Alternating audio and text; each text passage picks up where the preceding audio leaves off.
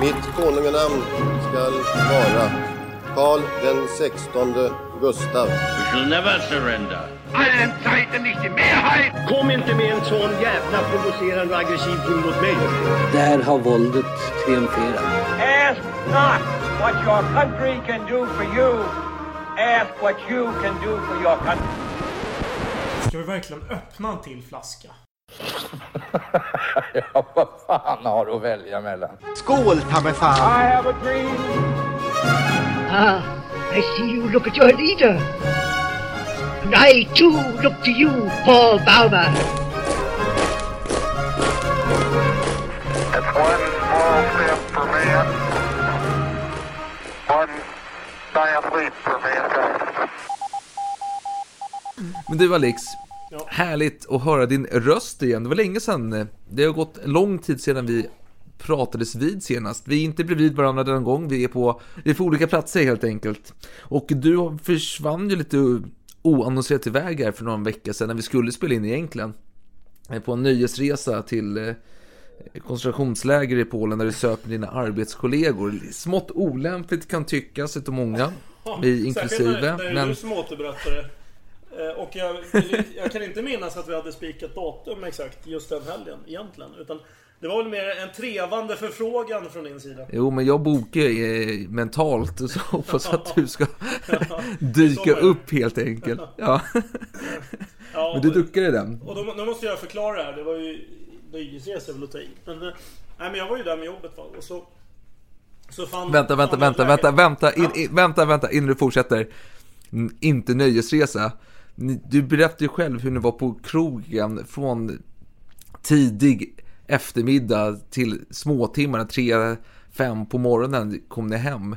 Ja, jo visst. Och tiden däremellan besökte ni olika koncentrationsläger. Nej, det var bara jag som åkte Jag inte. koncentrationsläger faktiskt. Är det sant? Ja. Vad fan gjorde dina, Nej men jag... gjorde dina kollegor då, då? Var de för bakfulla eller Nej, för några kollegorna åkte till en sån här uh, saltgruva faktiskt. Och gick runt. Vänta, det är ännu mer osmakligt. Var, de, var de polacker eller? Nej, inte ens det. Eh, En Jag menar såhär, åker du till, eh, åker runt på, i närheten av Auschwitz och så vidare, då, är, då besöker man ju istället. Jo, fast den finska hade redan varit på eh, Auschwitz. Och den andra Okej. vet jag inte. Han hakade väl mer på. Eh, Han hade väl inga egna planer. Så jag var väl den som hade planerat i förtid. Jag, jag körde så här, ja men om ingen kommer med något bättre så då kommer jag vara, göra det här på Ja, men det här, på, det här påminner lite om, det var inte de politiker som eh, gick ut på Instagram eller vad det var, Twitter och, för något år sedan och eh, ville ha tips på bästa spa-stället i närheten av Auschwitz för tjejresan. Eller vad det var. Jag känner att du är lite samma sak här liksom. Bästa men- pubarna kring. Auschwitz. Det är väl självklart för en historieintresserad att åka till Auschwitz. Det måste man göra. Ja, absolut, absolut, absolut. Nu tycker jag att vi går vidare. Ja, idag är det faktiskt den 6 november, Gustav Adolfsdagen. Och vanligtvis brukar jag alltid gå till Gunnarssons specialkonditori vid Skanstull där och köpa två stycken bakelser. Men nu när man har flyttat till annan ort så får man ju leta efter bakverk här i närområdet. Och som tur är bor jag i närheten av Norrtälje, staden som Gustav II Adolf grundade för 400 år sedan. Och självklart hade Café Hörnan där då, ett legendariskt café som är runt 109-110 år gammalt. De hade fantastiska Gustav Adolfs smakelser. Bastanta som tusan och extremt goda. Så jag fick bara i mig en. Eh, hade kunnat äta två faktiskt, Ja. men när jag stod där så var jag Du inte... borde ha beställt två åt dig själv. Ja, Det blev inte av. nej. Jag gjorde däremot eh, precis tvärtom. Jag beställde två stycken. Jag var på ett helt annat konditori Mm. som heter Kosterheds. Eh, Som såg bra ut från bilderna eh, från tidigare år. Ja. Men de verkar ändra konceptet varje år här. För att i, i år var det någon slags eh, mousse-historia Ja. i plastbägare. Ja, den plastbägare gillar vi inte alltså, fy fan. Nej, tyvärr alltså. Det får ju minuspoäng för plastbägare, så är det. Ja. Det var gott, men eh, jag tror att du vann den här kampen. Fast jag vann ju mängden, jag får ju två stycken bakelser. Fast min, min var ju gigantisk så jag tror att om vi skulle väga dem så tror jag att min skulle vara fortfarande dubbelt så stor än enstaka. Det fanns ju små och stora, jag tog en stor då. Eh, Men det var fantastiskt god, får jag lov att säga. Nu med facit i hand så kanske man hade sparat en bakelse och, och liksom på något sätt segla det hela med att eh, rida in i dimman med, med en Gustav II Adolfsbakelse. Ja, det känns väldigt poetiskt. Tyvärr så gick de åt det under dagen, så att jag har ingenting kvar. Jag vet att du inte heller har någonting. Nej, buken ska ha sitt. vi helt enkelt får gå vidare. Ja, men vet du vad? Vi ska börja med vårt avsnitt här alldeles strax. Men först har Ska vi ta vi... leken först? Jo, det är det jag skulle säga precis. Först har vi dagens lek.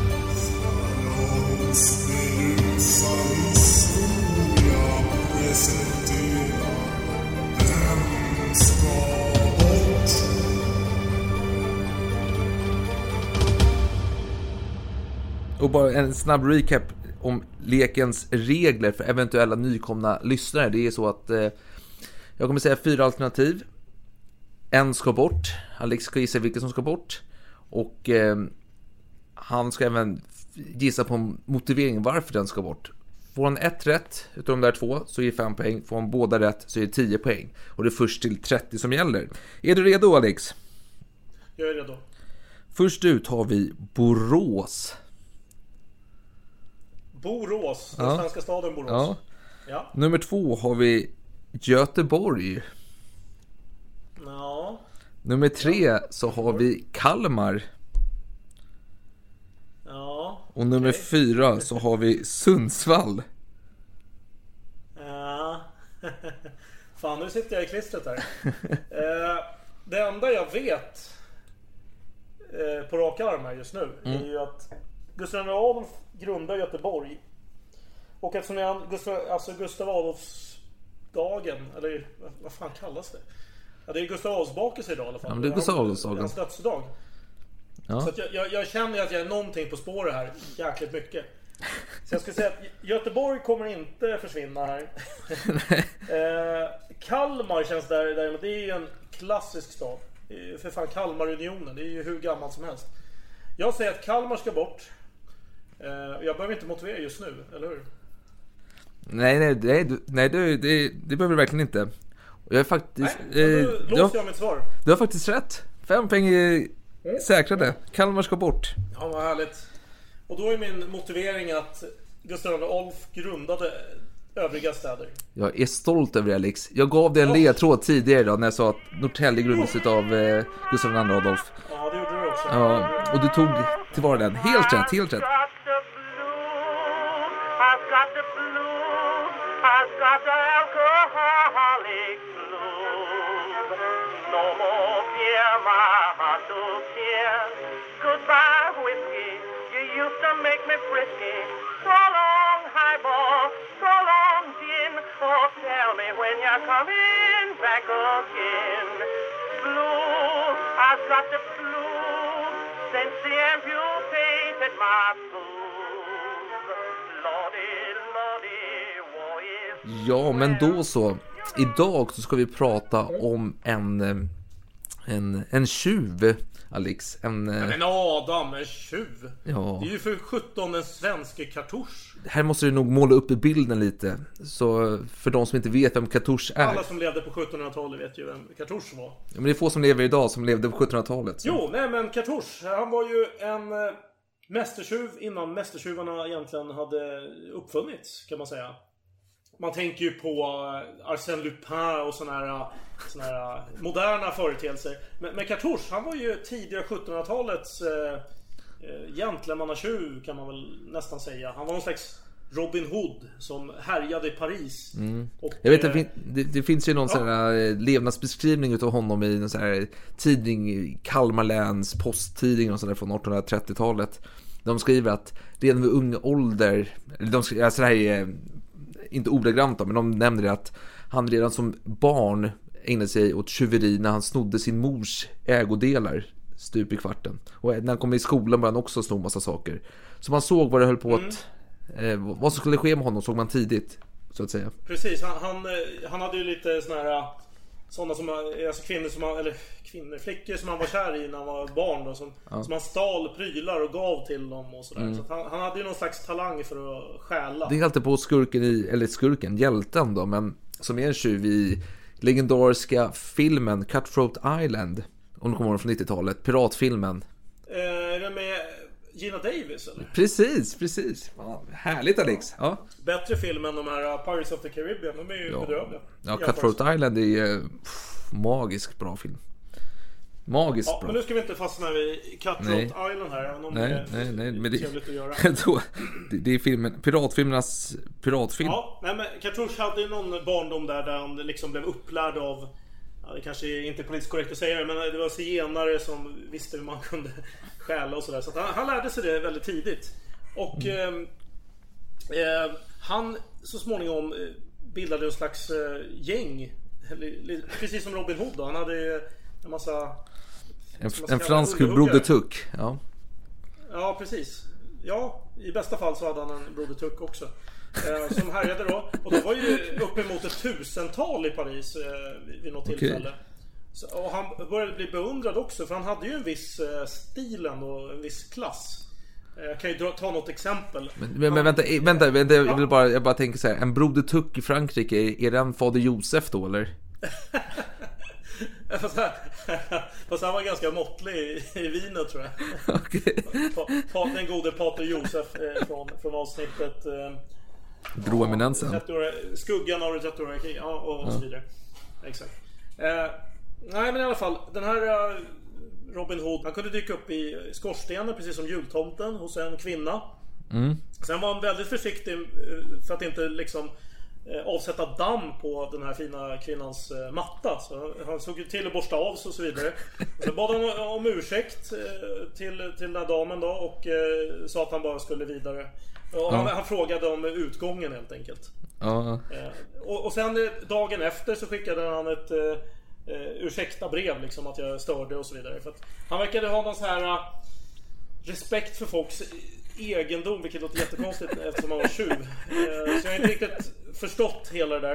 Eh, Men det finns en annan eh, anekdot om hur han dyker upp hos en annan dam och egentligen tvingar henne att beställa in en massa mat och eh, dryck till honom. Mm. Och då gör de det. Och det är champagne då och någon kyckling tror jag att det var. Eh, och champagne var inget bra tyckte han. så, så dagen efter skickar han en, eh, en låda med bra champagne till den här damen och säger att ja, varsågod säg. Förlåt, eh, tack för att jag för att du gav mig mat liksom. Ja, ja. Ja, Gentleman. men, ja lite, lite klass och stil får man väl ändå säga. En tjuv och en gentleman, ja. Ja, och sen, och sen eh, dog han ju ung då som de flesta hjältar och antihjältar gör. Så han var väl sådär, ja vad kan det vara? 26-28 år någonting. Ja. Eh, När han blev hängd då. Eller sneglad blev han till och med. Ja. Eh, Så att eh, han gick ett tufft öde till mötes. Han blev förrådd av någon som hette Grutus. Vilket är ganska roligt. Vad fan är oddsen för det? Ja, ja, Ja, ja. eller hur? ja det är roligt alltså. Det är ett namn som förpliktigar. Alltså... Ett to Grutus. Gr- Grytor. Ja, det är roligt alltså. Ja, det, det är faktiskt, får lov att säga roligt. Vi avslutar Kartouche-beskrivningen där tänker jag. Och jag vill bara be om ursäkt till dig Alex här. När jag skulle förbereda mig för detta avsnitt så såg jag att Netflix har lagt upp eh, en klassisk film från 51. eh, Circle of Danger, regisserad av franska regissören Jacques Tourneur. Eh, som eh, dessutom har gjort eh, hans mest kända film är väl då kanske Skuggan av ett förflutet, tror jag den heter på svenska. Out of Past av med Robert Mitchum i huvudrollen. Som kanske är en av de största noir-filmerna någonsin. En riktig klassiker.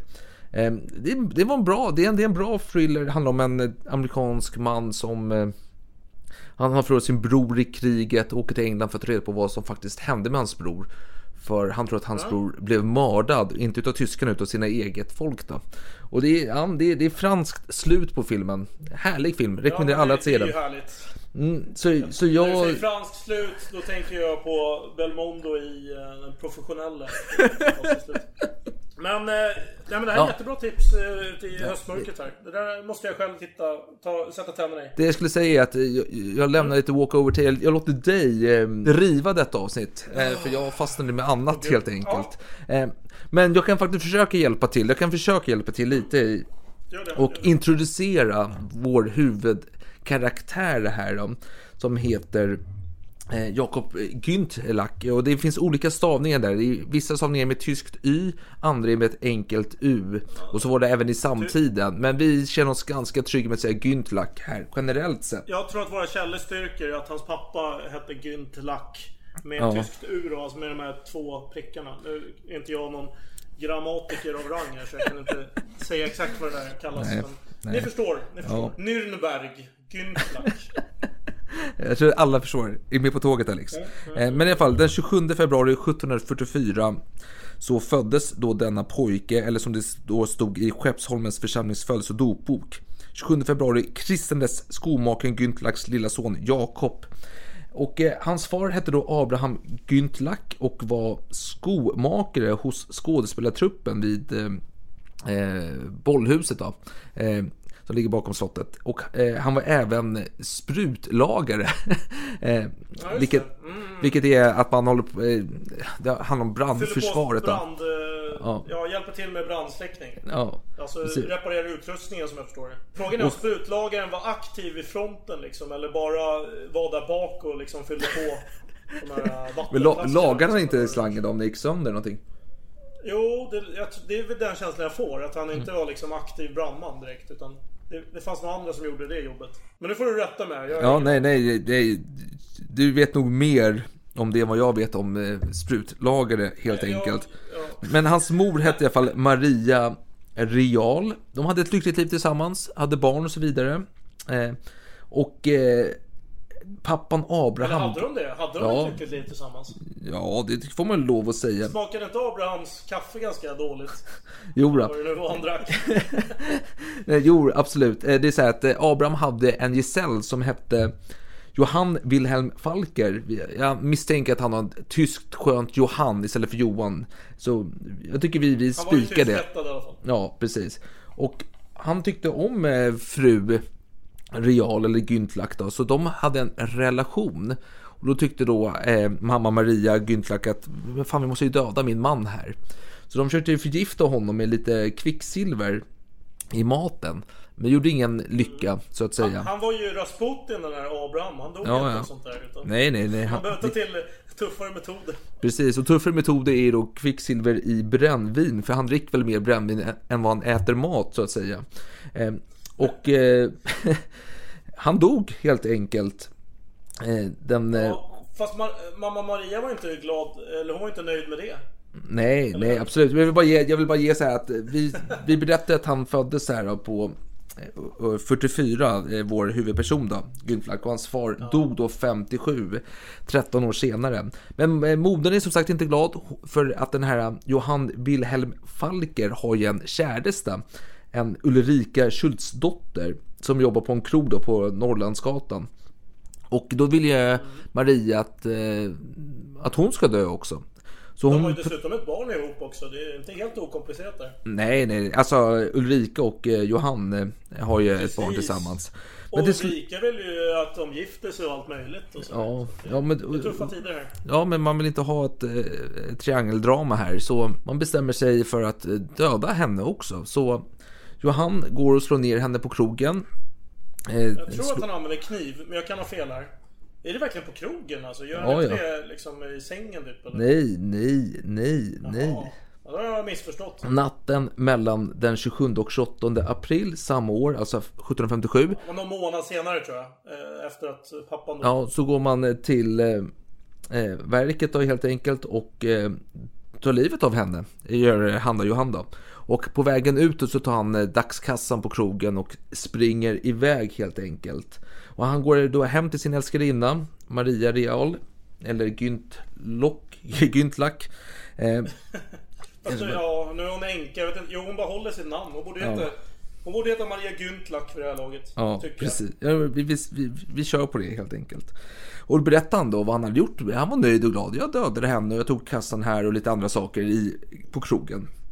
Ja, och Mm. man upptäckte då detta mord, fasansfulla mord, strax därpå och eh, man tänkte ju att den här Falkner, han känns som en reko kille. Eh, han har nog inte gjort detta utan det är någon annan som eh, en gardesoldat som heter Tärström som vi eh, misstänker. För han hade besökt där och varit lite jobbig kvällen innan. Dessutom hade ju Falke gråtit så, så fina krokodiltårar på begravningen Ja, och så vidare. jo, så det var nej. ingen som misstänkte Falk. inte bara gråtit, han hade visst mycket sorg och gret bitterligen.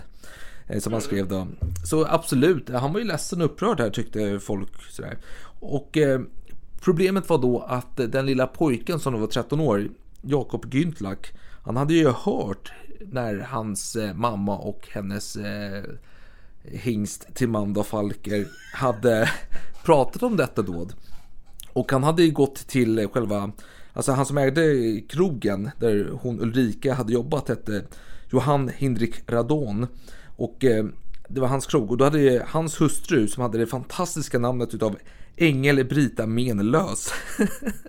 Eh, Ja. Då hade den här pojken berättat det för henne, vad han hade hört. Och hon gick ju till polisen och blev rannsakning. Och eh, nu var de fast, trodde man. Men det var det inte, för de tänkte att detta bevis håller inte. Och då anklagades ju då pojken för att eh, eh, ha oskyldigt angivit sin moder. Så han fick lite, lite ris agad blev han med då. Eh, och eh, han, ja, hemskt och så vidare. Men sen gick det en tid och eh, till slut så hittade man att den här Johan Wilhelm Falker hade lämnat in lite ringar och lite skit till någon panthus från den här krogen och som Ulrika hade haft. haft då. Och då kunde man ju binda honom till brottsplatsen och han erkände, han hade mördat eh, sin fru, eller ja, sin käresta då, mamman till hans eh, barn. Eh, och eh, han blev då dömd för detta, dömd till döden dessutom. Och man grävde då även upp Abrahams eh, Güntlacks eh, kropp för undersökning då och då eh, fann man spår av förgiftning. Och då dömdes båda för det eh, brottet också och eh, Maria då, hon var ju gravid med eh, Johan Wilhelm Falkers eh, barn då. Så man kunde inte avrätta henne utan man fick ju vänta tills hon hade eh, förlöst, kläckt denna unga helt enkelt innan hon blev avrättad. Mm. Ja, det är en tuff period. Men- Ja, ja, och här sitter ju lilla pojken Jakob Güntlack, eh, 13 år gammal, oskyldig, förstörd för hela livet.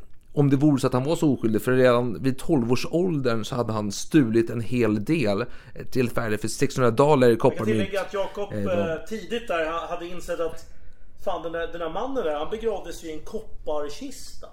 Ja. Men de, de döda, de behöver inte ha sådana pråliga prylar. Utan vad fan, om jag byter ut den mot en träkista. Så kan jag ju lämna in den här kopparkistan och liksom få lite cash för det. Mm. Så han gjorde så helt enkelt. Med Precis. någon, någon snackares lik. Så att han, han var lite av en eh, entre, entreprenör. Absolut, men jag vill bara ha en disclaimer här att de här uppgifterna kommer från Ernst Brunner. Eh, får det sagt, eh, helt Och, om enkelt. kopparlik Mm. eh, eller? Ja, precis. Eh, Mm, mm, mm.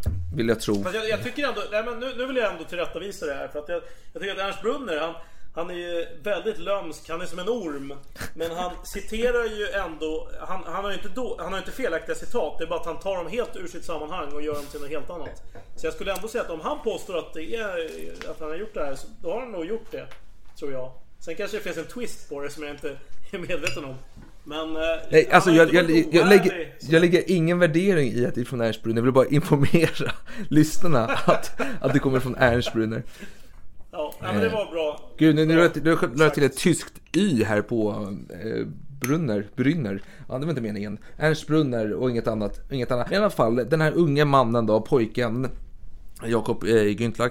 Han eh, hade ju gått i skola på Mariaskolan, eller han var inskriven där i alla fall. Hur mycket han kunde läsa och skriva, lite oklart helt enkelt. Troligen analfabet. Ja, men han hamnade ju då, eftersom att han var föräldralös nu, så hamnade han på barnhuset då, Stora barnhuset. Och eh, han kom inte vara där så länge. Eh, han rymde ganska tidigt för han hade ett eh, sådant sinne att han ville upptäcka världen helt enkelt. Och det finns en författare eh, som heter Gunnar W Lundberg som har skrivit om denna Jakob eh, Güntlack då. Och eh, Lundberg eh, var bosatt i Paris eh, lång tid och eh, drev Tessin-institutet och massa saker och intresserat mycket för Bellman, skrivit massa om Bellman och så vidare. Men han menar då att Jakob Güntlack då var den enda som hamnade på den kriminella banan och svarta fåret i familjen, de, de levande då. Men det stämmer ju faktiskt inte för eh, hade ju några systrar här. Brita-Kajsa eh, som också kom in till eh, barnhuset. Hon dog dock eh, året därpå. Så hon var ju där några månader bara innan hon Hur, dog. hur var hon skyldig nu då? Inte alls, inte alls. ut henne? Nej, inte alls. Jag säger, jag säger att hon var oskyldig. Men Okej. han hade även en annan syster som hette Anna-Sofia Güntlack.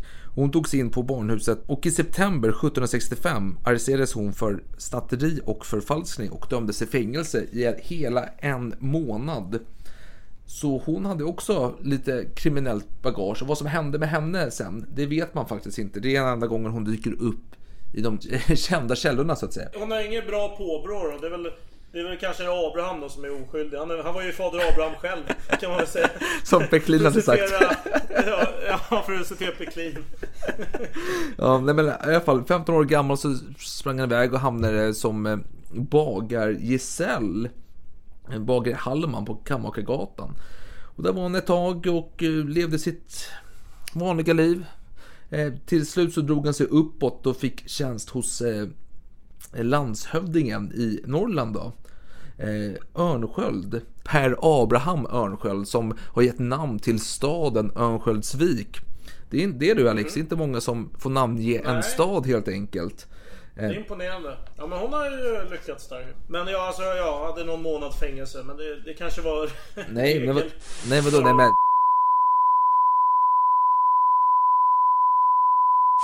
Jaha, jag zoomade, jag zonade ut där. Jag trodde att du snackade om systern att hon jobbade Nej, som nej, bagericell. ja, Men nej, ju- nej, det var Jakob. Det var Jakob som gjorde det. Ja, ja. Nej, men förlåt. Jag, jag zonade ut. Det är Ja, men- alkoholen. Ja, men du vak, vakna till liv Alex. Vakna till liv. Mm, Häng med i matchen. Jag slår mig själv, jag slår mig själv i ansiktet. Med den berömda franska silkesvanten.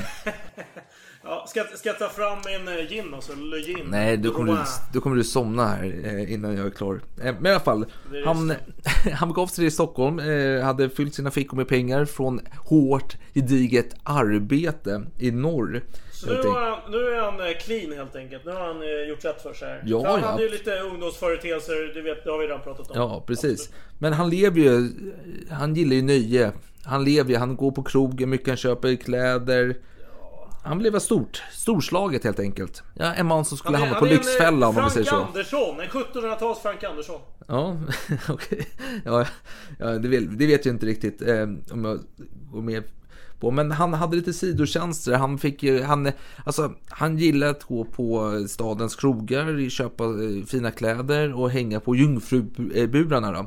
Eh, det vill säga horhusen runt om. Han hade även extra kneg på de här där han eh, var en eh, postiljon amour. Och Postillon d'Amour, det var ju mer en eh, budbärare egentligen mellan två eh, käresta.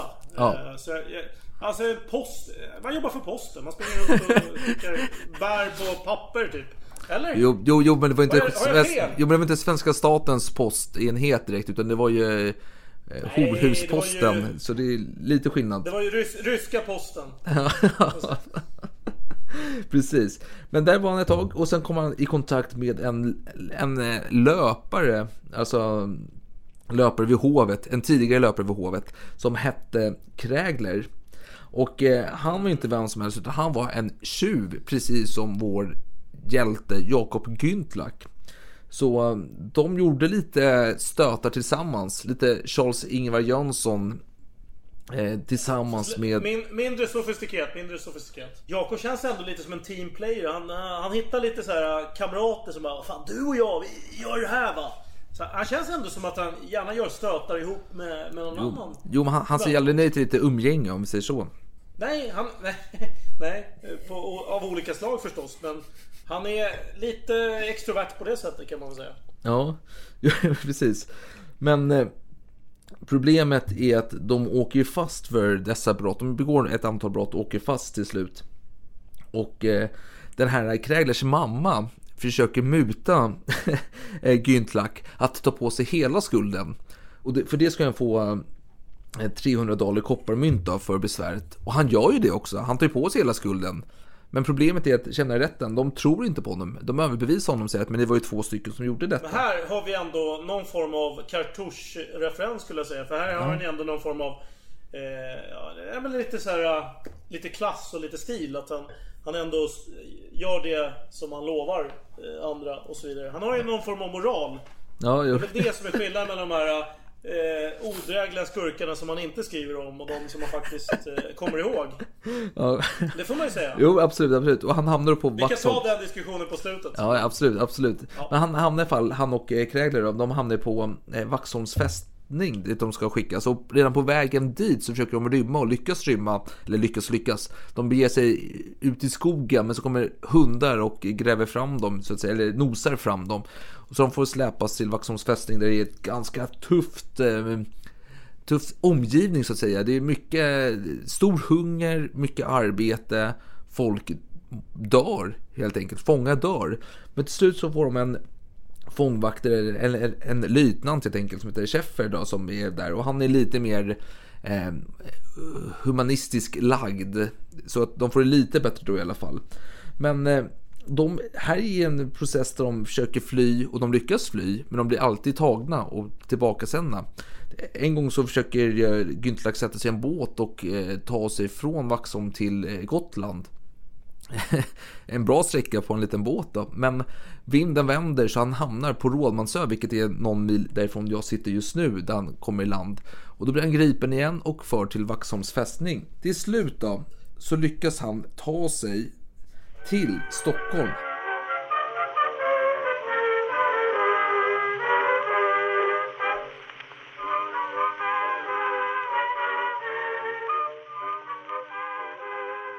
Han flyr, han tar sig till Stockholm och eh, ja, det går ganska bra faktiskt. Han gör en bra stöt där i Stockholm och eh, kommer över eh, ganska bra eh, stöldgods helt enkelt. Och han går då ner till Skeppsbrokajen och kommer överens med en eh, skeppare att för den här slanten tar du mig till Helsingborg nu, helt enkelt.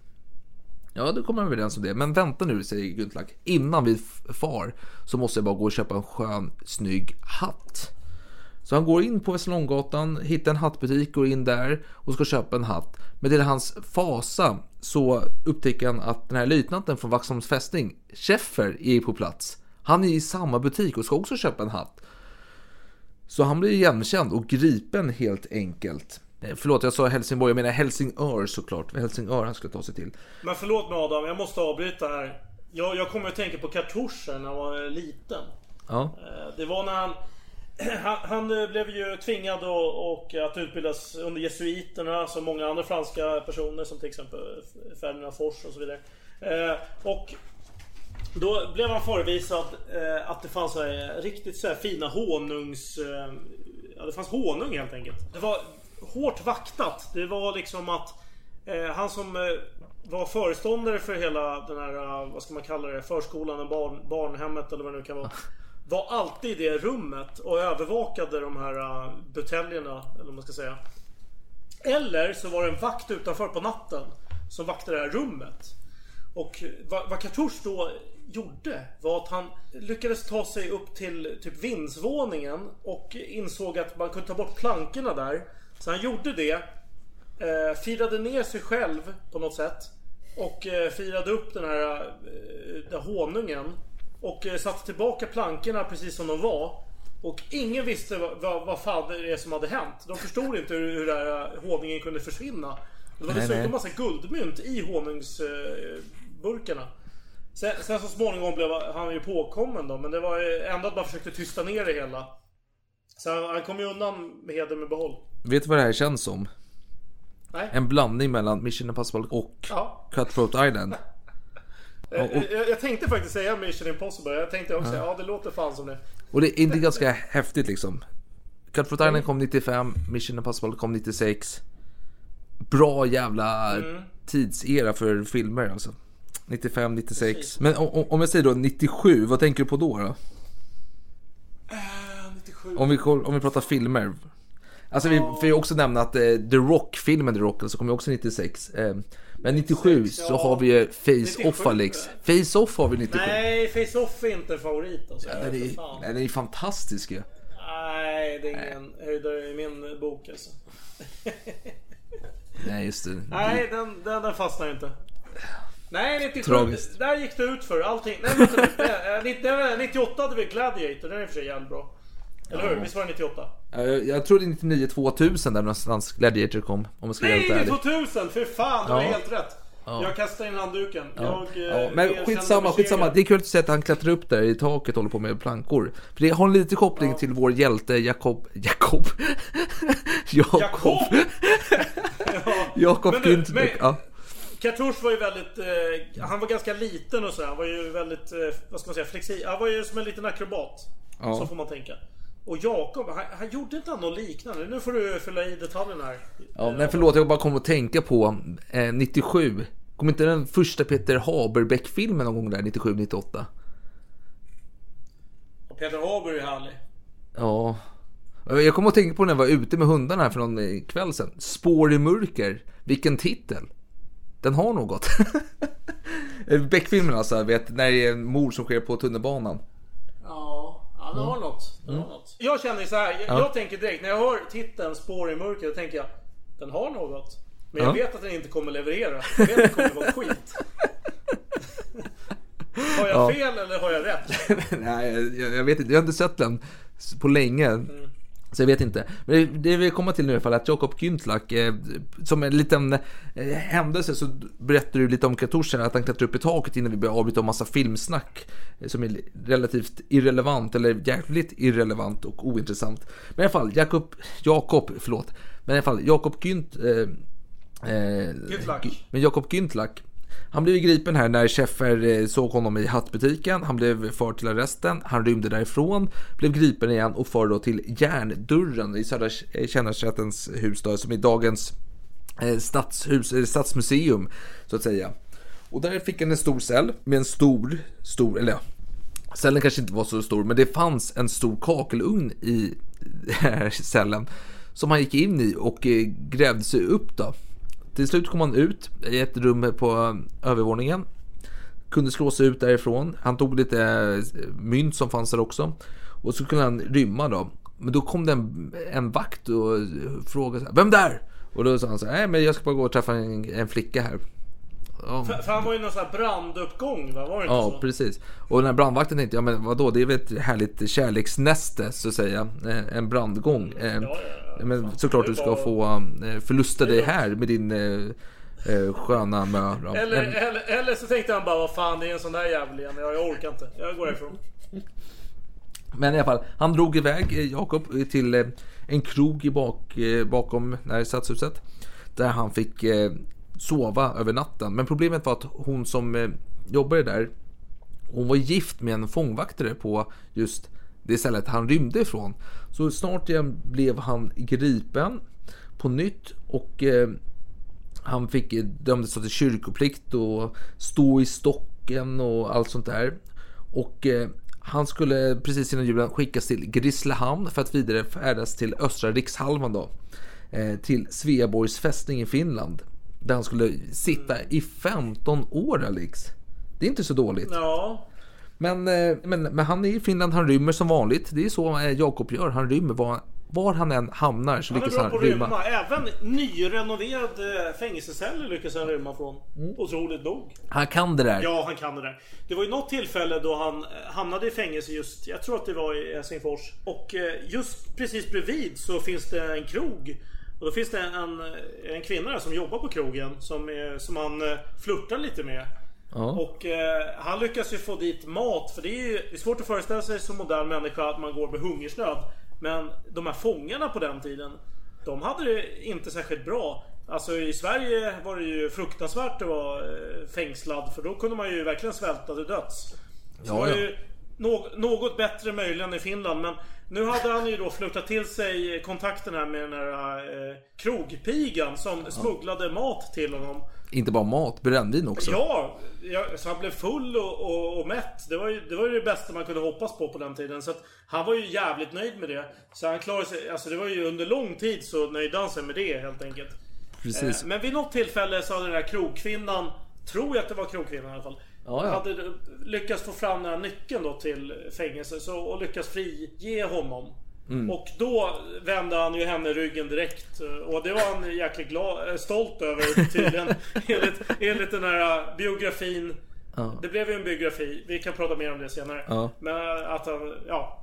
Då, då drog han bara därifrån. Precis, och vi kan nämna också att han hade ju lyckats få ett falskt pass utskrivet till sig. För han lurade en eh, klockerfar att skriva ut ett falskt pass då genom att han hävdade att eh, ordet delinkvent betydde betjänt och inte det. fånge, helt enkelt. Jag, jag föreställer mig den här konversationen. Jag föreställer mig också att eh, Guntlak var analfabet. Mm. Att den här klockargubben läser det här eh, brevet, det här pappret som Guntlak har med sig. Bara, ja, det står här att du är en delinkvent. Vad betyder det? Svarar Jakob, ja du, ja, men det, det betyder betjänt. Så, så att om du ska översätta det här till finska eh, eh, administrativa papper så skriv betjänt bara. Och det gjorde den här mannen med, med gott samvete. Precis. Och då, då, och, och då tog ju faktiskt eh, Jakob ett nytt namn då. Anders Falk, helt enkelt. Men som du säger... Och tog, han- tog värvning där i någon armé eller Ja, Adolf. Fredriks armé, precis. Och de Eh. kände jävligt dåligt så det, det var ju alltid extrainkomsten som gällde. När man var anställd Precis, men han, hos han var... Försvarsmakten. Precis, men han, han tog en eh, stöldturné mot Helsingfors då. Och då hamnade han på en krog. Och då berättade han följande då. När jag inkom började jag efter jag den stunden var vid förnöjt och glatt sinne att tralla och sjunga. Och det med full hals. Bönderna sparade icke att giva mig både brännvin och dricka, varutav jag blev ännu modigare. Vid detsamma inträdde i rummet en man klädd i en blå frisrock samt hade en röd filtmössa på huvudet. För den samma såg jag bönderna liksom sky och taga av sig hattarna. Men som jag ansåg honom för en fogde frågade jag icke efter stort efter att visa honom hövlighet. Härpå tillfrågade han mig vad jag vore för en och hur jag mig understode att därstädes göra en sådant oväsende och leva så oregligt. Jag svarade honom därpå igen, helt trotsigt, att sådant honom på intet sätt anginge. Och som där vore krog behövde jag icke skriva honom på näsan vad jag gjorde, helst jag betalt vad jag förtärde. Om jag ville där under roa mig eller icke, det kom honom icke vid. Av sådant svar blev denna mannen ganska ond, samt sålde sig vara landshövding och kommendör av Kungliga svärdsorden. Med yttrande därjämte att han skulle finna på medel att för mitt uppförande låta mig vederbörligen tukta. Och det här var lite... Ja. Ja, ja, jag känner att vi behöver en modern tolkning här bara för, för de som är berusade som jag och lyssnar på detta så behöver de en snabb eh, spolning här vad det är som händer. Han gormar och är jävligt full och han är i Finland och finnar älskar fulla människor. Så att alla hyllar honom, tycker att han är fantastisk. Sen kommer det in en sån här, eh, ja... En, En sprätthök en kanske? som har en sprätthök. Som, eh, ja han visar upp sin sprätthökshatt helt enkelt. Och då börjar alla buga och så vidare och han gör ju inte det. Han eh, fortsätter ju köra sin eh, fylleroll där.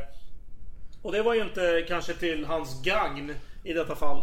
Nej. Då synar ju den här eh, sprätthöken honom. Och börjar ifrågasätta honom och så blir det tjafs och käbbel. Ja, och, och, och vi kan nämna då att det som sker då det är att eh, eh, Jakob Güntlach då, han försöker ju pudla helt enkelt. Han, han... Eh, Ja, ja. Jo. Den här fina mannen då, han presenterar sig som eh, någon slags kommendör av svärdsorden och så vidare. Att han är, eh, vad är han? Bor, Landshövding. landshövding av, av Helsingfors eller så här. Ja, det är riktigt fancy. Då svarar ju Güntlach att Ja, men med de kläderna du har på dig så det hade ju inte jag kunnat veta att, att du är så fin. så, äh, jag tolkar det som ett hån mot denne eh, finländare. Jo då. Men, men då, då, då får ju han eh, tuppjuck va. Så han beordrar sina män bara Hörru, ta ner den jäveln. Han är typ som en ordningsvakt klockan fyra på natten när, när det är någon för, för full person där som står och käbblar. Så Ja. de tar ner den där jäveln och så, så ger de 40 slag. Jag vet inte exakt hur de här slagen, vad- om det är med piska eller med något annat. Landshövdingen bad ju bönderna där i, på krogen att eh, gå ut och skaffa hasselpåkar. Som de gjorde på, eh, och kom snabbt tillbaka med. Och då sa han lägg dig på golvet Güntlach, du ska få lite eh, spö här. Och eh, sagt och gjort så la sig Güntlach på golvet och bad om nåd förvisso. Men eh, han fick en ganska tuff behandling ändå. Ja, ja, men det är, det är 40 rapp. Mm. Om något slag. Och det var inte så att han var betrodd efter att han har fått den här äh, bestraffningen. Utan den här äh, landshövdingen tänkte nej men du ska fan rannsakas va. Och eh, du ska fan... Du ska skickas till Helsingfors eh, som är i närheten typ. Eh, och du ska rannsakas. Men jag litar inte på dig så att vi ska, du ska få en eskort med folk som ska se till så att du hamnar där på ett bra sätt. Och så... Sen fan ska du få se. Precis. Så han Och- var ju en riktig så här feodal eh, härskare. Han ju, det var ingen rättegång som krävdes här för att döma straff. Utan han var ju... eh, Ja, Ja, fan, han, var, i- han var ju envåldig. Ja, men- inom, sin... Är man, är man eh, landshövding i Nylands län i Finland då får man göra lite vad fan man vill helt enkelt. Men i alla fall, på vägen dit, han fick eskort utav bönderna. De tog en paus och då tog eh, Güntlach fram en kniv han hade med sig och eh, eh, skar sönder tågen. Eh, inte helt, men tillräckligt så att de skulle, det skulle gå sönder helt under färden. Och ganska snart de gav sig iväg igen så kom han loss och kunde springa ut i skogen. Och enligt honom så verkar, om jag förstod det rätt, så verkar bönderna ha hyllat och eh, önskat honom god färd. Helt enkelt. Alltså, Ja, okej. Eh, Ja men så kan det vara. Jag menar det kanske var... Ja, de, de, de, de hyllade att han lyckades ta sig fri. Jag har ingen aning. Det här är... Det krävs flera hundra års visdom Ja, för nej, men i alla att fall- komma fram till en bra... Güntlach beger sig iväg, kommer runt, åker runt på östra halvan ner mot eh, eh, Rival då, eh, som det hette på den tiden. Eh, var det ett tag. Du eh, tänker på Estland då? Ja, Moderna... och han, han, han höll på att bli mördad också utom, eh, någonstans där. Och det var, han levde ganska bökigt och stökigt där. Det var lite, lite vilda västern helt enkelt. När han kom tillbaka till Helsingfors, där han fick böter på grund av fylleri. Eh, och han gjorde även en så kallad fransysk visit i staden Lovisa.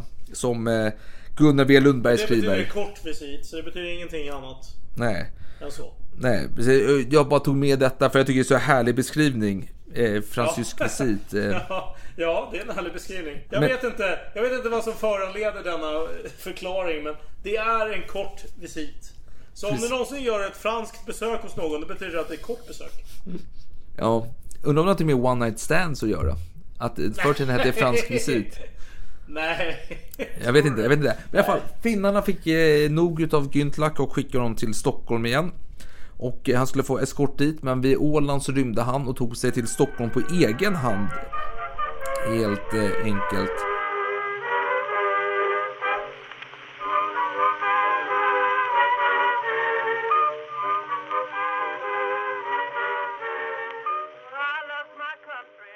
Och där träffade han eh, lite gamla bekanta från fängelserna där han kunde gömma sig. Och eh, han eh, planerade en kupp tillsammans med en gammal kamrat som hette Karl Tegnér.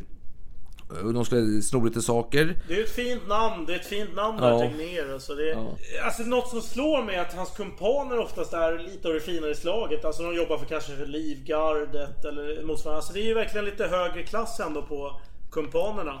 Precis, precis. Men i alla fall... Kanske därför han fortfarande är känd. Liksom. Inte.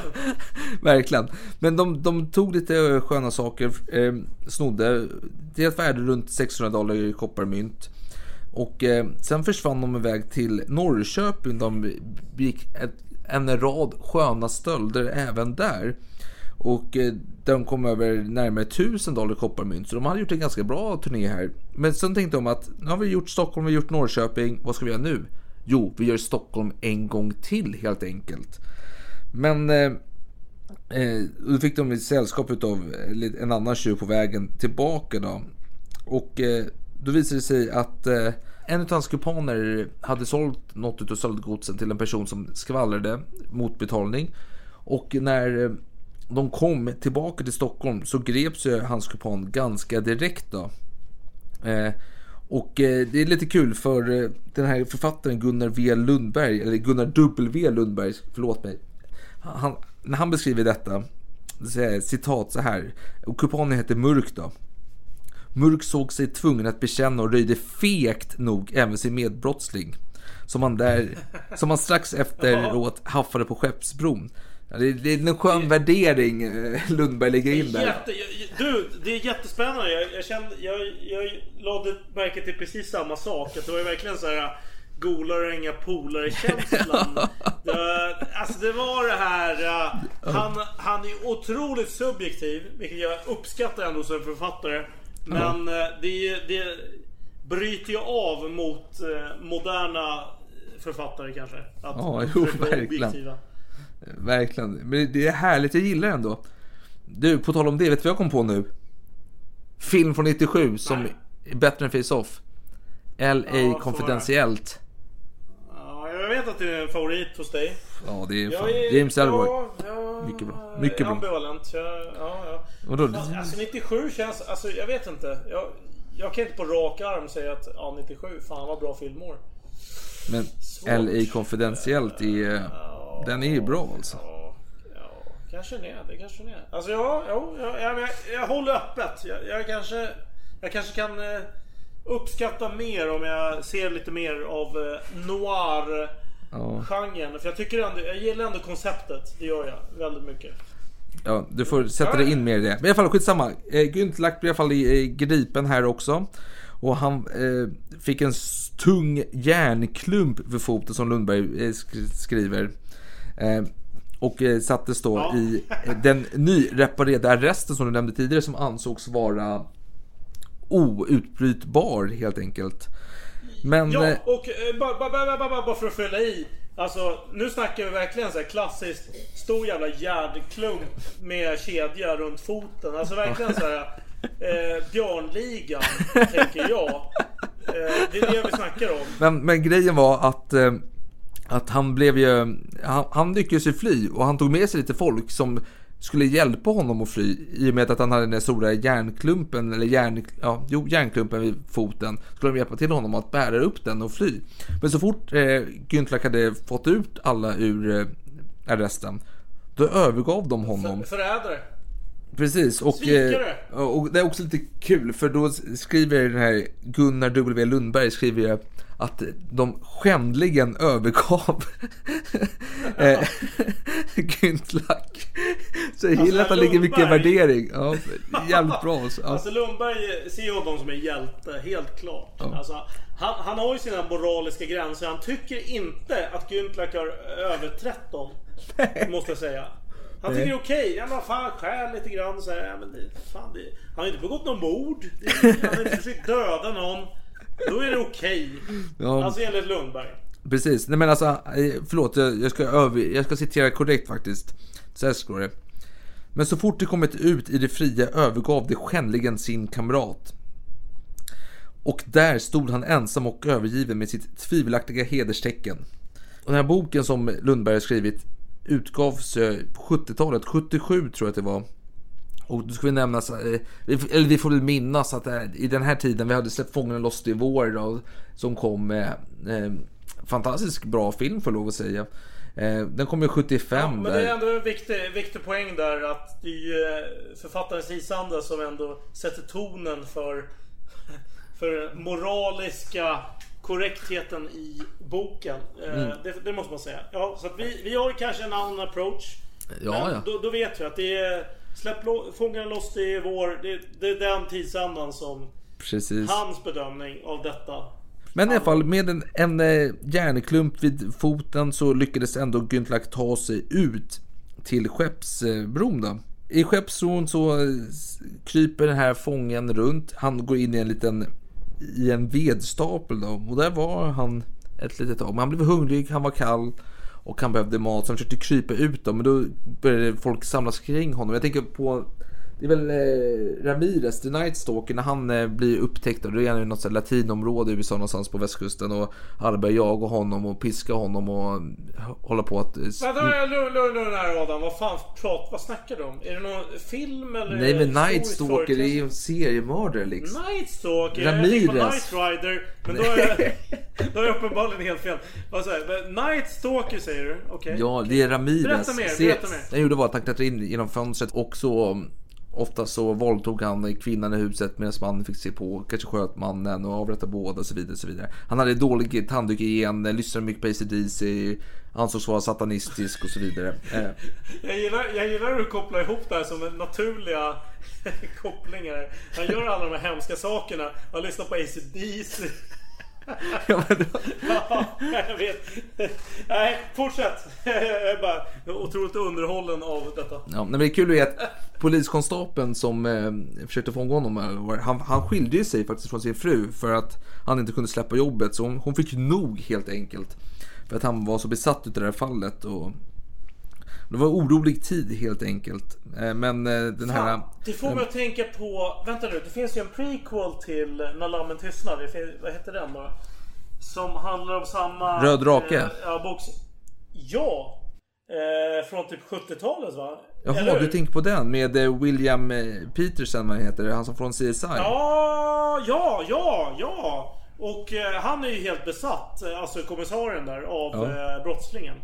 Ja, Visst är ja. det? Ja men det William Peterson, det säger mig någonting för det är Despot, eller hur? Han är ju inblandad där också. Det är, det är Röd drake, det är det. Det är Ja, den ja. eh, från 80-talet ja. Exakt. Ja, är det 80-talet? Det är inte Det, 70-talet? är det inte, nu kan jag ha fel här, men är det inte Michael Mann som har regisserat den? Manhunter heter väl ändå Ja precis, men, men Manhunter är, är baserad på Röd eh, drake utav, eh, vad heter författaren? Harris. Eh, Thomas Ja. Harris. Ja precis. Så Nej var men det. du, du har helt rätt. Du har helt rätt. Du har helt rätt. Men det har även gjorts en film som heter Red Dragon. Ja men det kommer senare, efter, det kom på 90-talet. Ja, ja, ja. Så otroligt förvirrande allt det här. Jag tror att vi kanske måste klippa bort det här. Men eh, det var intressant. Ja, då Nej, men fortsätter vi. Ma- Michael Mann kan vi inte klippa bort. Sista Mohikan-regissören för guds skull. Michael Mann. Ja, ja, ja. Ja. Har finns det en despotkoppling? Eller är jag helt ute och cyklar här? Nej, Ja men du tänker på Wolfgang Petersen. Det är, det är eh, regissören. Ah, Okej, så det är en annan Peterson helt Ja, det är en annan Petersen. Inte CSI Ah, Petersen. Inte William Petersen. Ja, ja, ja. Men där har vi... det är skillnad på som, Petersen eh, och. Petersen vet du för guds skull. Ja, ja, ja, men fan. Ja, det är Ja. såklart. Nu kör vi vidare. Var var vi någonstans? Vi var vid... eh, Ja men det jag komma till att, eh, att eh, är Rickard Ramirez blev eh, ihjälslagen nästintill då när han, eh, alla i det här området såg honom kliva av bussen, den Greyhound-bussen. Och polisen fick stoppa pöben, eller vad vi ska kalla dem, invånarna från att avrätta Ramirez. Så det var liknande scener här, förutom att alla stod och skrattade åt Jakob Güntlach mer eller mindre. När han kröp runt där med sin stora boja. Säger man boja? Vad fan säger man? Sin stora... Ja, det Ja. låter väl rimligt. Ja. Alltså en boja, ja. Precis, men det som skedde nu var att man tyckte att det var så grova inbrottsstölder. Och eftersom att vi befinner oss i frihetstiden, det får vi inte glömma. Det här är innan den nådige eh, Gustav III blir eh, härskare i riket. Och eh, då är det en grym frihetstid. Och där avrättar man gärna folk för lite mindre, eh, säger man, brott. Ja, om jag får raljera lite om frihetstiden som folk brukar Ja, raljera om Gustav IIIs tid. Ja, men, men, det, det, men det är kul faktiskt. Jag var på en sån här, jag ja. var på en sån här släktträff här i augusti någon gång. Och då var ordförande för föreningen, han drog en liten, han, han är historiker, kunnig och jättetrevlig och bra. Men då sa han någonting om att Gustav III dömde ut det hårdaste straffet till någon utav våra släktingar för något, lite fuffens för något universitet i Jönköping och sådär. Så han blev av med sin tjänst och förlorade lönen. Då tänker jag, men vad fan Du, alltså. Är det det hårdaste straffet? Gustav? III hade ju benådat Güntlach alla dagar i veckan. Alla dagar i veckan. Men Gustav frihetstiden, där torterar man folk, där avrättar man folk. Gustav III, hård... Vad, vad, vad snackar han om? Hårdaste straffet? Det var ju fan... eh, Hästeskog kan ju klaga, men ingen annan kan klaga. Jag fick ta ett snack med honom över en öl på slutet. Ja, du får, ta ett snack med den mannen. I alla fall, eh, Han, han var ju inte en Angela-man, eller hur? Nej, nej, verkligen inte. Men han, han blev i alla fall eh, eh, eh, dömd till döden helt enkelt. Och jag tänker här, Alex, att du kanske vill ta vid här och berätta lite om avrättningen. Och då är vi nu i ett vinter, bistert vinterväder här. 16 januari 1771. Inför en stor publik. Det har ju såklart aviserats. För det här var ju någon slags form av eh, makabert nöje på den här tiden. Att bevittna de här offentliga avrättningarna. Eh, Galgbacken, nuvarande Hammarbyhöjden. Mm. På samma plats som Ankarström skulle möta Stöde cirka ja, 20 år senare. Den här färden då eh, skedde då såklart med eh, häst och vagn och man passerade förbi samma ställe som eh, Ankarström senare skulle ta sin sista sup. Nämligen på källaren Hamburg. Och precis som Ankarström så fick han välja mellan tre olika... Eh, ja, han fick göra tre olika val. Få höra Adam, vad är det för tre olika val han får välja på? Öl, sprit eller vin. Champagne. Ska du ha brännvin? Eller ska du ha champagne? Eller ska du ha porter? Ja, fan. Fan, jag måste tänka själv, vad fan skulle jag välja? Ska jag bli riktigt full? Eller ska jag välja någonting som låter lite classy? Eller, alltså, det, är en otro, det är en existentiell fråga som jag inte är beredd att svara på just nu. Nej, nej, nej. Eh, Men i alla fall, han fick välja mellan de här tre alternativen. Han, eh, för, historien förtäller inte vad han valde. Men det blev så att han valde någon av de här tre. Och eh, han hamnade då så småningom på gallbacken. Och eh, ja, steglades till döds och så vidare. Men eh, jag, jag vill inte uppehålla mig vid hur han avrättades. Utan snarare den här krogen. Den här fantastiska krogen som han stannade till vid. Ja, samma ställe som Ankarsson åkte till. Vi har redan pratat om det i tidigare avsnitt. Men eh, vad fan. Eh, det, eh, stället hette Hamburg. Källaren Hamburg. Och eh, det var de här tre valen som gällde. Och när den här uh, dödsdömde skulle välja. Så drack han ur sitt glas. Och sen märkte man upp glaset senare. Så man visste vem det var som hade Druckit. dömts till döden. Men den här traditionen, så vitt jag förstått så uppstod den först när Ankarström avrättades. Så det var ju långt senare. Så att jag har ju svårt att tro att just eh, Güntlachs glas blev uppmärkt på något sätt. En del källor säger att de blev Jo, det, men det, jo det men tror alltså... jag fan inte på. Ä, ä, jo då, Ja, faktiskt. kör. Eh, Stockholms stadsmuseum hävdar också det att eh, Güntlachs eh, glas ställdes i ett skåp som finns att beskåda på Stadsmuseet idag. Det, det håller jag med. Jo, jo, men jag håller med om det. Traditionen att man tog sin sista sup på Hamburg, det, det var ju en, en långt stående tradition. Men just den här uppmärkningen av glasen. Som jag har förstått så uppstod traditionen i samband med Ankarsström. Men det kan vara så att man kanske även tidigare på något sätt märkte upp Kanske snarare med typ motsvarande tejp eller liknande Men det var från och med Ankarström som man faktiskt graverade glasen Ja, så kan man jag, jag tror att man ställde glasen i det här skåpet tidigare. Sen hur man Ja, det eh, gjorde man graverade skiten. Det är, det är en fråga för eh, alla professorer där ute att utreda. Ja, och nu när du ändå nämner det här skåpet så måste jag ju fylla i detaljerna. Det här skåpet med sista superglasen, det finns att beskåda på Stockholms stadsmuseum. Det har till och med inventarienummer 72, ifall det är någon som är nyfiken. Eh, däremot, de, alla de här glasen från de här dödsdömda, de är försvunna. För de såldes av redan på 1890-talet på en auktion. Och det sägs att det var till en amerikan. Jag har inga mer detaljer, ingen aning. Typiskt. Någon källa säger att det finns ett rykte om att det var en miljonär som var där på besök i, i Sverige och han ville ha de här glasen så han skulle kunna dricka de dödsdömda skål med- sina affärsvänner. Och så här makaber eh, fetisch av något slag då. Och den här krogen då, eh, Hamburg. Som du säger, den, den byggdes redan på 1600-talet någon gång. Och den var ju väldigt väl belägen just att man passerade alltid den i, när man skulle upp till den här galgbacken. Precis. Och den här krogen fanns kvar fram till eh, 1908 då just eh, spritverksamheten eh, stängdes ned. Och så rev man byggnaden 1912. Och eh, numera sen eh, ja, 1920-talet någon gång så byggde man upp eh, Göta Lejon istället. Det var ju jag tror att på den tiden kanske det var en biograf men numera är det teater. Jo men vänta, förlåt Den finns men, men, men alltså Ja. vi får nämna att eh, källaren Hamburg då, den sträckte sig lite mer än vad Göta källare sträcker sig idag. Nu, Göta Lejon har jag nämnt här. Jag har inte sagt någonting om Göta Källare bara så du vet. Ja, förlåt, Göta Lejon, förlåt. Eh, nej men alltså vi får tänka på att eh, själva krogen Hamburg, alltså den var mellan korsningen Folkungagatan och eh, Götgatan Hamburg. Så det var den fastigheten så att säga i stort. Göta Lejon ligger på Koksgatan, eh, Jag tror att Götgatan. det är en kombination av att det finns bostadsrätter eller motsvarande på samma plats. Idag, ja. Tillsammans med Göta Lejon. Ja, Precis, idag. precis, precis. Så alltså eh, Göta Lejon ligger i samma fastighet fast mer mot Koksgatan lagd. Eh, Hamburg var ju mer, alltså det var, det var ju ett hus som låg mellan Folkungagatan och Götgatan i Stockholm. Men det är samma fastighet så att säga, men man har ju rivit och byggt upp på nytt. då. Men, men, men Alex, Alex, berätta lite mer om avrättningen nu här. Det, det mest intressanta kanske med avrättningen var att han var väldigt... han var på väldigt gott humör.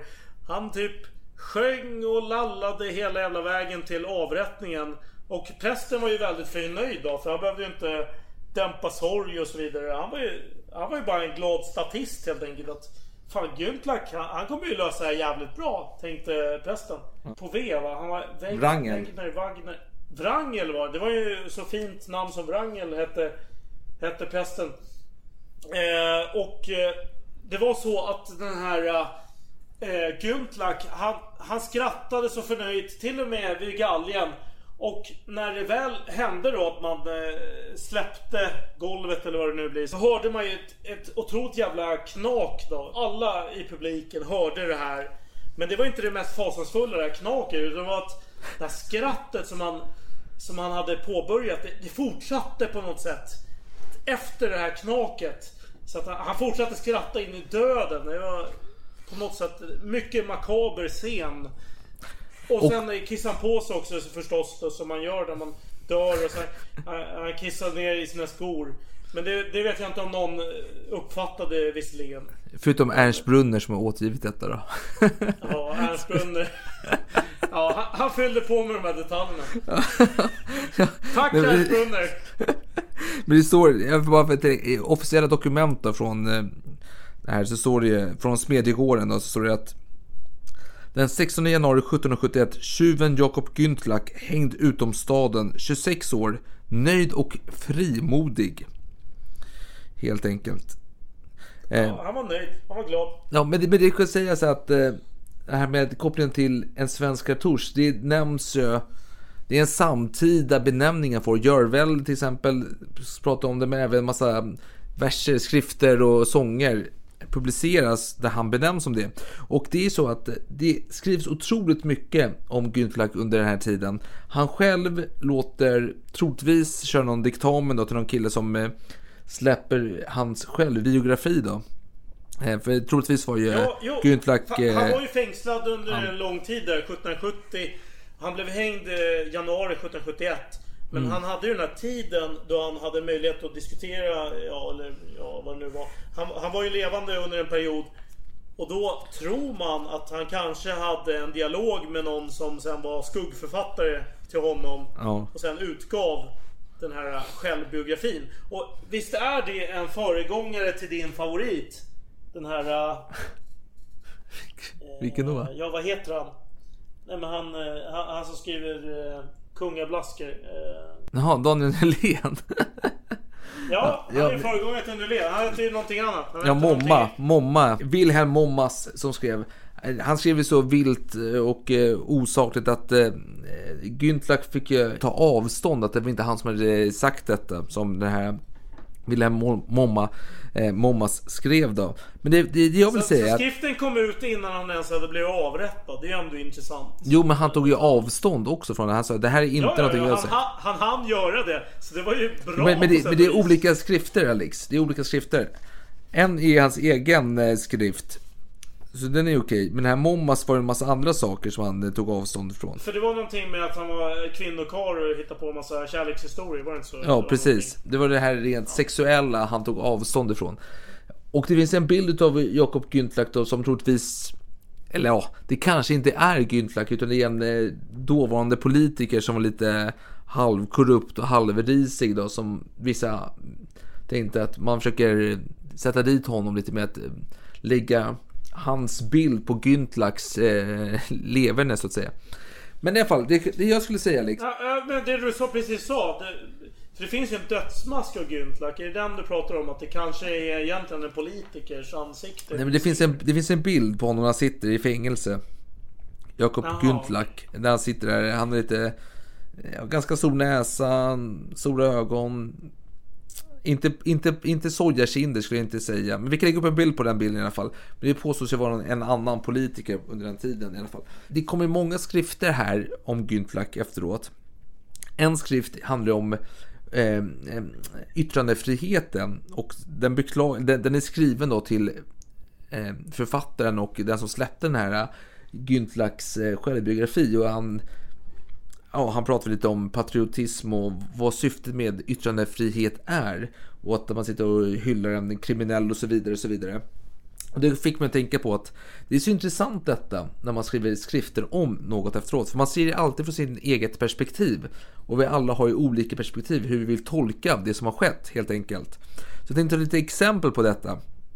Först ut har vi en kristerlig betraktelse vid Jakob Güntlaks sista hädanfärd från 1771 då, den 16 januari. Då. Hela titeln är Kristerlig betraktelse vid Jakob Güntlaks sista hädanfärd på avrättsplatsen utanför Skans tull den 16 januari 1771 och Skanstull är särskrivet då, för det var så man skrev på den tiden.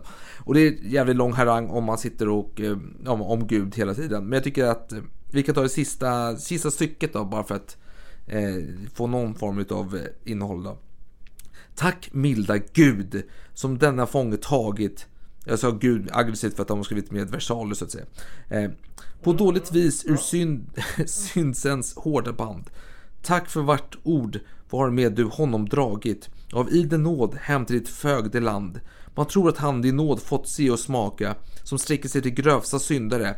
Än blir han nöjd och längtar ej tillbaka men prisar glad sin Gud och frälsare. Och, ja, och, och, jag vet inte riktigt vad jag vill få sagt med detta, men det är det här med det kristna perspektivet. Jag vill säga att Wrangel också har förord till sin predikan med avrättningen. Där det känns lite som om man försöker eh, rättfärdiga att man avrättar en person som inte har eh, bragt någon annan om livet så att säga. Hans värsta brott var att han mm. tog eh, lite rikedomar från oftast lite rikare personer så att säga. Men... Ja, och det är väl ändå det som har gjort att hans myt har överlevt på något sätt. Hade han ja, varit en... Eh, Robin Hood så att säga. Simpel mördare. Ja, ja, precis. Han precis. har ju ändå någon form av moralisk hävd då. Precis, ja, precis. Men och den här killen som skrev in om eh, själva tryckfrihetsordningens, eh, alltså hur detta påverkar det, att man sitter och folk börjar heja på helt plötsligt och folk eh, inte läser hela sammanhanget och förstår inte allting och det är ja, mycket politik och massa, ja, han, han såg det mesta helt enkelt. Och för att ge honom lite kött på benen så har vi ett en, en skrift eller en vers då, som är som heter Güntlaks äreminne upprest av samtliga dess medbröder från 1770 då. Du är så här.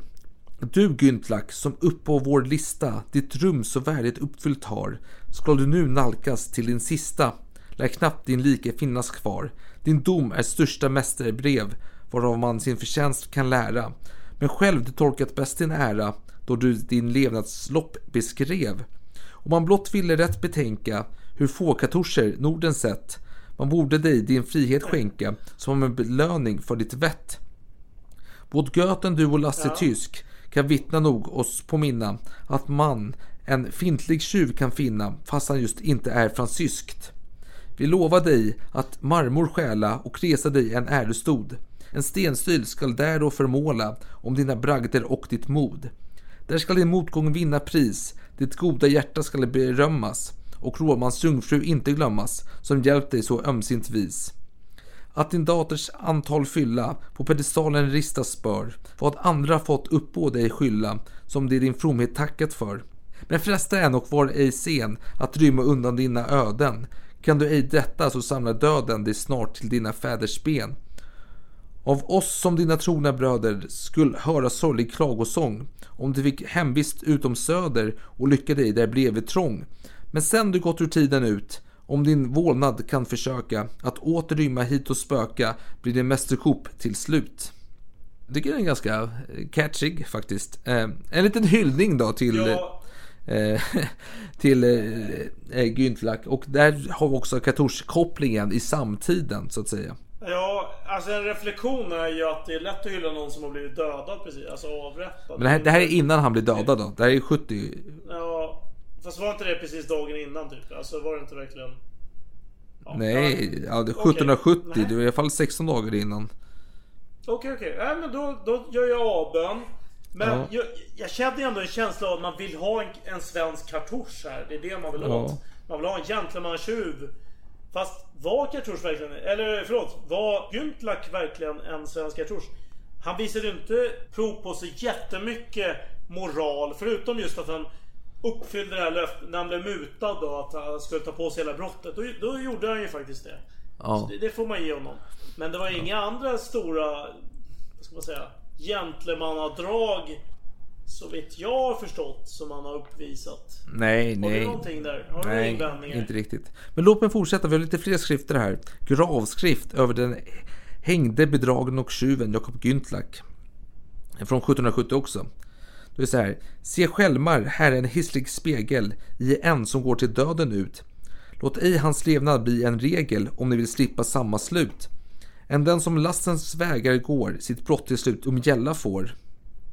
Se hur plågan lasten följer och odygd ej sitt straff undgår. Omskönt en tid man brottet döljer, en skälm dock sällan får grå hår. Men som en Guntlax rycktes bort i ungdomens åren innan kort.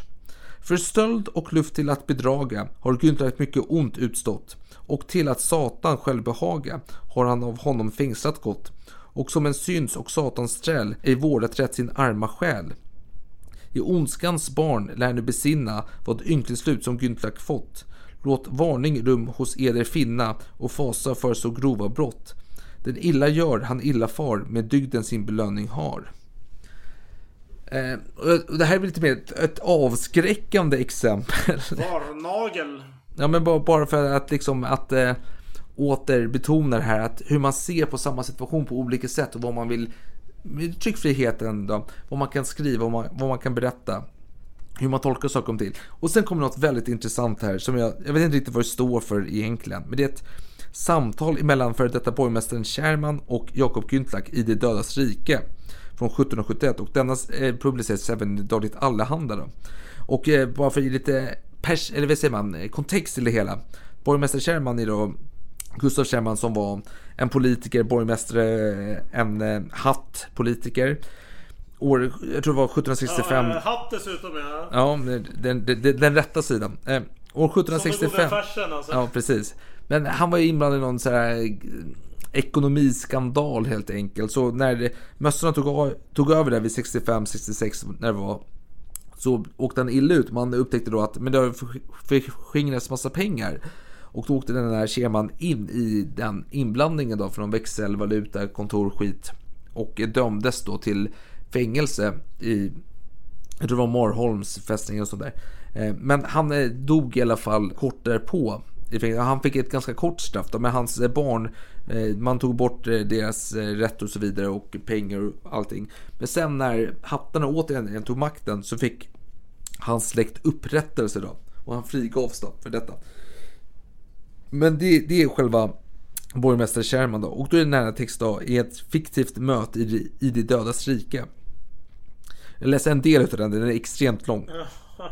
Redan hade Güntlach genomvandrat en hel del av evighetens omättliga rymder då han blev värse långt ifrån en gubbe som ropade till honom med hög röst dessa ord. Du främling! Ifrån Sverige. Vad nytt har du att berätta från ett världens land?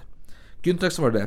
Ja, det senaste nya, kära bror, var att det jag därställes nyligen blivit hängd för det jag i alla mina dagar stulit. Och det, till min olycka, så grovt att jag blivit rögd och ej fått tillfälle att bliva rik genom stöld eller någon ansedd för en stor tjuv som skäller tunnor guld utan ständigt blivit räknad bland de som man kallar småtjuvar och således har på mig sansat det ordspråket att småtjuvar hänger man upp. Gubben svarade. Du, tölper! Kan du ej begripa att fråga dig efter något politiskt nytt, eller? Hur understår du dig att kalla mig bror? Vet du ej att jag i livstid var Kunglig Majestäts troman borgmästare Gustav Kärman i Stockholm och dessutom välostige borgarståndets talman vid riksdagarna? Eh, Güntlak svarade. Jo bror, jag vet det, men jag vet och mera. Mhm, vad vet du mera då? svarade Kärman. Güntlach. Jo, jag vet och det att Bror Scherman i sin ungdom var järnbärare och att jag även som soldat burit järn på min axel. Dock med den skillnaden att det järn och stål som jag bar var polerat. Vidare vet jag och det att Bror Kjellman i livstiden blivit degraderad från borgmästare i Stockholm till fånge i Marstrand och att jag blivit förvandlad från soldat till fånge på Varholms fästing. Jag vet och det att du Bror Kjellman dog som livstidsfånge i berörd stad och att jag undstått min ådömdes dödsstraff utanför Stockholms södra tullport. Jag äger i den erfarenhet och insikt att jag kan döma över brogärningar, utan jag en blott jämförelse mellan våra händelser och vidriga öden tyckas likna varandra. Om då i likheten av våra bristra öden och vid definierande tillstånd, var det vi oss vid vår levnads slut befunnet, kan giva mig anledning nog att säga bror, så trodde jag därtill hava fullkomligt skäl i betraktande av vårt nuvarande tillstånd, då vi bägge äroförsatt i det dödas rike, där all jordisk rang och hederstitlar upphöra. Den som i livstiden varit en troman äger i någon tor eller företräde jämfört med den som varit den uslaste tiggaren på jorden. Här gäller ingen högbörd, ingen helig stämma, inget högt ämbete, ingen kungamakt. Och här utsänges ej eller någon dygdens män från den lön som dygden åtföljer fastän han i livstiden varit en ofrälse man av låg börd och ringa anseende för världen. Och således haves här ej avseende på vad människor varit i tiden, utan efter döden belönas eller dömas det endast efter deras i livstiden förda vandel. Jag slutar därför härav att ingen ärlig bör oss äga rum och att vi blottade på deras karaktär som åtföljer människornas göromål i världen. Våga i gott förtroende kunna kalla varandra bröder. Och då svarade då, eh, borgmästare Scheman. Mm, jag måste lämna dig rätt min kära Güntlak. Och så håller de på och pratar vidare om eh, ekonomi och om börsen och kursen och så vidare. Och eh, det är extremt långt. Eh, och jag kan bara avsluta det med hur de avslutade det hela. Och det är så här. Eh, borgmästare Scheman säger så här. Jag tror du hade blivit en mästerlig bov. Och om du fått ockra på växla och syra kurs lär kursen snart ha blivit 200 mark. Güntlak svarar då. Och jag tror att tillfället har ofta gjort tjuven. Farväl kära bror. Och det är intressant med detta. Först är det att hur författaren ägnar sig mycket åt vikten att kunna få kalla bror till någon. Det verkar vara väldigt väsentligt för den här förfa- författaren. Det spelar ingen roll egentligen om du är en eh, tiggare eller om du är en adelsman. I Dödets rike kan man kalla varandra för bror helt enkelt. Eh, Eh, titlar i, i, i livet har ingenting med det titlar i döden att göra helt enkelt. Kommentar om det Alex? Säger Adam och därmed tackar vi från oss. Nej, nej, nej, nej, nej, nej, nej, nej. Men, men, men, vänta, vänta. Och Nej, roligt, ja, roligt ja, ja, Nej men det är intressant. Ja, jo visst. Himmelrikes så är alla lika. Ja, eh, vad ska jag säga om det?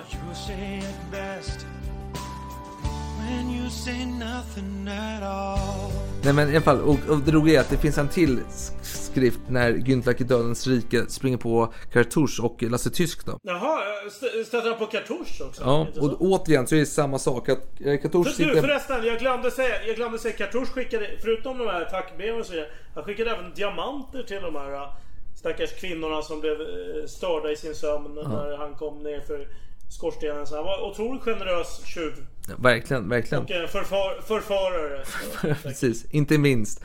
Eh, nej, men det roliga är att eh, det finns en till skrift med samma tema då att eh, Güntrach möter Kartusch och Lasse Tysk i Dödens rike och det in, börj, alltså, den här författaren verkar ha någon stor jäkla hang-up om broder hit och broder dit. För det, den handlar egentligen kort sagt om att eh, Lasse Tysk kallar Kartusch för broder och kan, eh, Kartusch eh, acceptera detta broderskap, att man kallar varandra för bror i Dödens rike. Och sen kommer Güntlach dit och då frågar man så här, var kommer du ifrån? Jag kommer från Sverige, säger Lasse Tysk. Vänta, heter du Jakob Güntlach och kommer från Sverige säger du? Är det möjligt? Jo, det stämmer. Och då vill inte Güntlach kalla dem för bror, för, han, för det är någonting där som gör att han inte vill säga bror direkt. Och då blir Lasse Tysk och Kartusch sura för att han inte säger bror. Och till slut säger eh, Güntlach att han, men jag är er bror. så det, ja. Herregud, det, det låter som en sån här förortsdiskussion alltså. Jag, jag vet inte. Ja, nej, det är väldigt, väldigt intressant. Men det är intressant med detta som jag vill komma fram till. Det är egentligen, ja, det, man kan göra många analyser på det hela. Men det är väl just det här med att, att man använder händelser för sitt eget perspektiv hela tiden. För att lyfta fram frågor från ens synvinkel. Och hur man ser Och den här författaren han har hakat upp sig på bror helt enkelt. Och gör Ja, ett, eh, ett, ett, en stor skrift om detta då. Och just ekonomin då. Och, ja, hur eftervärlden dömer en eh, kontra från, alltså att han gör skillnad på, ja, som den här eh, Sherman då, borgmästaren, att han blir dömd under den året men sen får en upprättelse senare, att, att man döms för sin tid så att säga. Men eh, Günther han blev avrättad vid 26 års ålder, hängd och så vidare, och, eh, eller han blev hängd rättare sagt, och eh, han blev bortglömd ganska snabbt Sen kom Gunnar V Lundberg och återupplivade hans minne helt enkelt på 77. Och När här... var detta då? Sjut- Vad- 77? Ja men det Ja. var ändå bara sex år senare så det var inte så... Nej men alltså 1977 Alex. 1977. Nej men va? Nej men han var ju känd för omvärlden. 1700-talet, 1800-talet. Han var ju känd. Storkänd. A-kändis skulle jag säga. Jo men sen så är det att han glömdes bort efteråt ju, tills 1977. Ja, ja, ja, då ja, Lundberg visst. kom. Sen var det ett gap där. Ja, Ja. du har rätt. Det var ett gap där mellan 1800-talet Och nu har vi pratat Absolut. om eh, Güntlach. Fan vad trevligt vi har haft Alex. Men nu börjar Ja, klockan närma sig sen kväll. Jag ska upp tidigt imorgon. Och jag är tacksam att vi har denna stund tillsammans du Alex. Det var kul. Jag vill bara säga att det är så roligt när jag häromdagen till dig skrev om, det var en nyhet om en indisk pojke som eh, hade blivit attackerad av en eh, eh, kobra var det va? I Indien. Och så hade den här kobran bitit pojken och pojken bet tillbaka. Och eh, Eh, Du sk- skickade den till dig och tyckte så här, det var ju roligt. Då skrev du till ett svar som jag tyckte var så härligt. Som är unikt för, det är inte många som skulle, som skulle svara så här Alex. Du svarar så här, Indiens Jacques Portefeuille. Är inte det roligt? Det var jävligt roligt. Ja, ja, jag tycker det är roligt. om, det är inte så många som andra som tycker det Nej, men, och Ja, för nej, men, kontext, till- Jacques Portefeuille var ju månstet från eh, Gevaudan då. Eh, Han och hans kamrater som eh, räddade en pojkes liv där. De högg och höll på, eh, på det här stora Ja, och monstret. du tror att ormens dödsorsak var eh, låg hygien där i bettet. Alltså, det var, alltså han var som en, eh, en eh, komodovaran den här eh, indiska pojken här som bet ormen. Eh, Otroligt fascinerad där över dessa teorier. Vi får se, vi får se. vad- Vi får se. Ja, vad vad, obduktionen säger. Ja, jag. Men skål med fan Alex, det var skitkul att prata igen med dig. Vi Ja, hörs igen om några veckor. Ha det bra. Tja tja.